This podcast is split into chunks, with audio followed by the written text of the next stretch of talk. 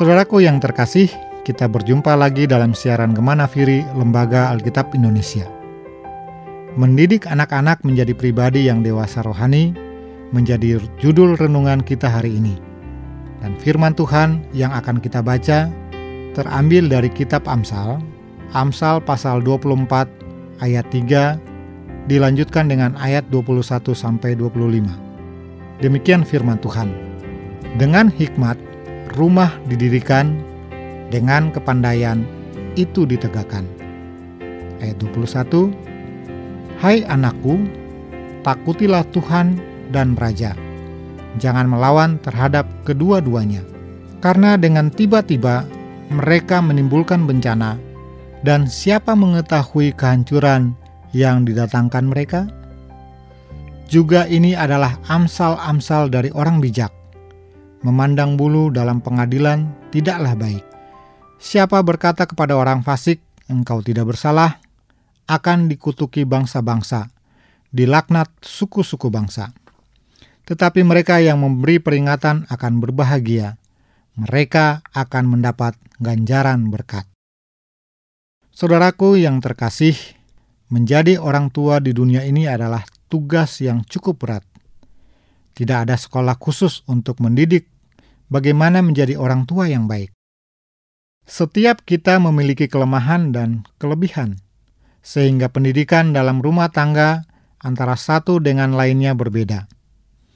Kita tidak dapat menghakimi bahwa orang ini tidak pandai mendidik anak karena kita semua pribadi yang berbeda.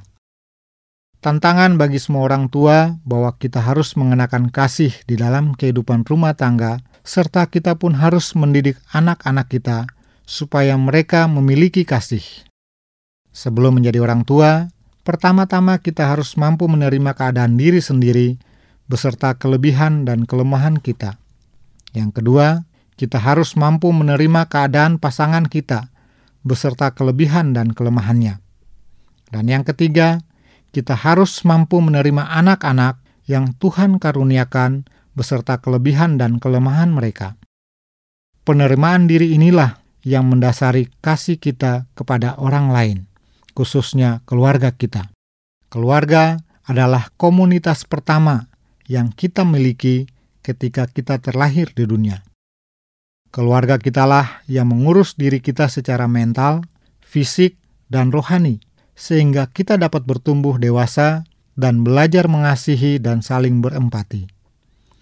Dalam keluarga inilah orang tua mengajarkan nilai-nilai kekristenan, dan tentunya agar mereka mengenal Yesus dalam kehidupan mereka. Pengenalan akan Tuhan sedari dini sangatlah berharga, sehingga akhirnya mereka dapat menjadi orang dewasa rohani di dalam Tuhan.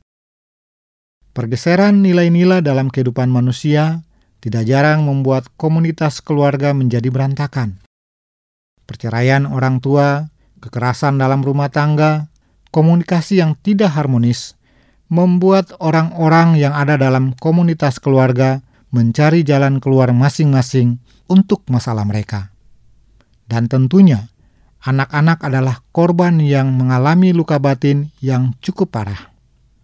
Anak-anak yang masih kecil belum mampu untuk memahami masalah orang dewasa, sehingga kehidupan mereka yang paling rentan mengalami trauma.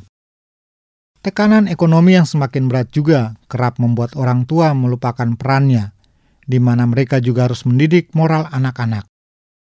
Kesibukan kerja membuat tanggung jawab orang tua untuk mendidik anak diserahkan kepada pihak lain, yang tentunya memiliki cara didik yang juga berbeda. Untuk itu, orang tua modern saat ini harus bertindak cerdas dalam pengaturan waktu bagi keluarga sehingga anak-anak tidak terabaikan. Selaraskanlah waktu bekerja, mengurus anak, waktu bersosialisasi, pelayanan, liburan, dan tentunya waktu untuk menjalin komunikasi yang lebih akrab dengan Tuhan. Hal yang juga penting kita ajarkan kepada anak-anak, yakni mempraktekkan empati dalam keluarga. Kita ingin agar anak-anak memiliki kecerdasan emosional yang baik sehingga mereka mampu mengatur emosi mereka dan dapat menenangkan diri dengan baik. Anak-anak yang memiliki kecerdasan emosional dapat memahami orang lain dengan baik, serta mereka dapat memiliki persahabatan yang baik dan sehat dengan anak lain. Bapak, ibu, saudara yang dikasihi Tuhan, kemajuan teknologi informatika dewasa ini memiliki dampak negatif bagi anak-anak.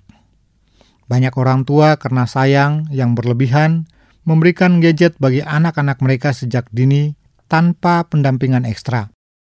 Hal itu membuat anak-anak memperoleh pengajaran dari gadget yang kadang belum mereka pahami dan belum sesuai dengan umur mereka. Perkembangan anak-anak berdasarkan usianya harus dipahami orang tua, sehingga kita mampu memahami dan menyelami masalah mereka. Komunikasi yang baik akan sangat menolong agar hubungan dengan anak-anak lancar. Upayakan berdialog terhadap berbagai hal dan masalah yang dihadapi setiap anggota keluarga. Pendekatan melalui hobi atau kesukaan anak-anak dapat juga kita manfaatkan agar komunikasi berjalan lancar. Orang tua harus mau menyediakan waktu untuk mendengarkan masalah anak-anak sebab apa yang terjadi di rumah adalah contoh atau teladan yang anak-anak pakai dalam pergaulan di lingkungan luar rumah. Waktu demi waktu pun akan berlalu, dan anak-anak semakin dewasa, sehingga akhirnya mereka membina keluarga sendiri. Ketika menghadapi tahapan ini, peran orang tua tidak lagi terlalu dominan. Beri kepercayaan anak-anak untuk mengatasi masalah keluarganya. Orang tua tidak perlu ikut campur terlalu dalam. Hal itu sungguh sangat menolong mereka sehingga dapat secara dewasa mengatasi masalahnya.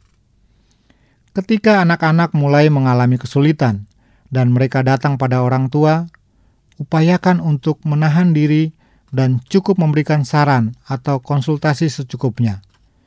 Biarkan anak-anak yang sudah menjadi dewasa mengatasi masalahnya sendiri dengan bijaksana. Ketika orang tua terlalu terlibat dan terlalu mengontrol, hal itu tidak menumbuhkan otonomi yang sehat. Bersikap cerdas dalam mengasuh anak-anak akan sangat menolong kita kelak di kemudian harinya. Tentu, kita tidak ingin anak-anak yang sudah dewasa kerap bergantung pada kita. Kebutuhan otonomi adalah kebutuhan untuk mempunyai tekad diri dan mempunyai pilihan dalam memulai meneruskan, dan pengaturan suatu aktivitas. Ketika anak-anak berlanjak dewasa, mereka merasa bahwa perilaku mereka benar-benar dipilih oleh mereka, bukan lagi dipaksa atau diatur oleh pihak lain, dalam hal ini orang tua. Saudara-saudaraku yang terkasih, ketika anak-anak semakin dewasa dalam otonomi dan kompetensi mereka dalam menyelesaikan tugas-tugas yang sesuai usianya, Hal itu tentunya dapat menumbuhkan motivasi agar mereka dapat berkarya lebih baik lagi. Anak-anak tentu merasa sangat puas saat mereka mampu melakukan hal-hal tertentu sendiri. Mereka akan semakin percaya diri. Mari kita bersama mendidik anak-anak kita agar tumbuh menjadi anak-anak yang takut akan Tuhan dengan melakukan firman Tuhan dalam hidup mereka. Tuhan memberkati kita semua. Amin.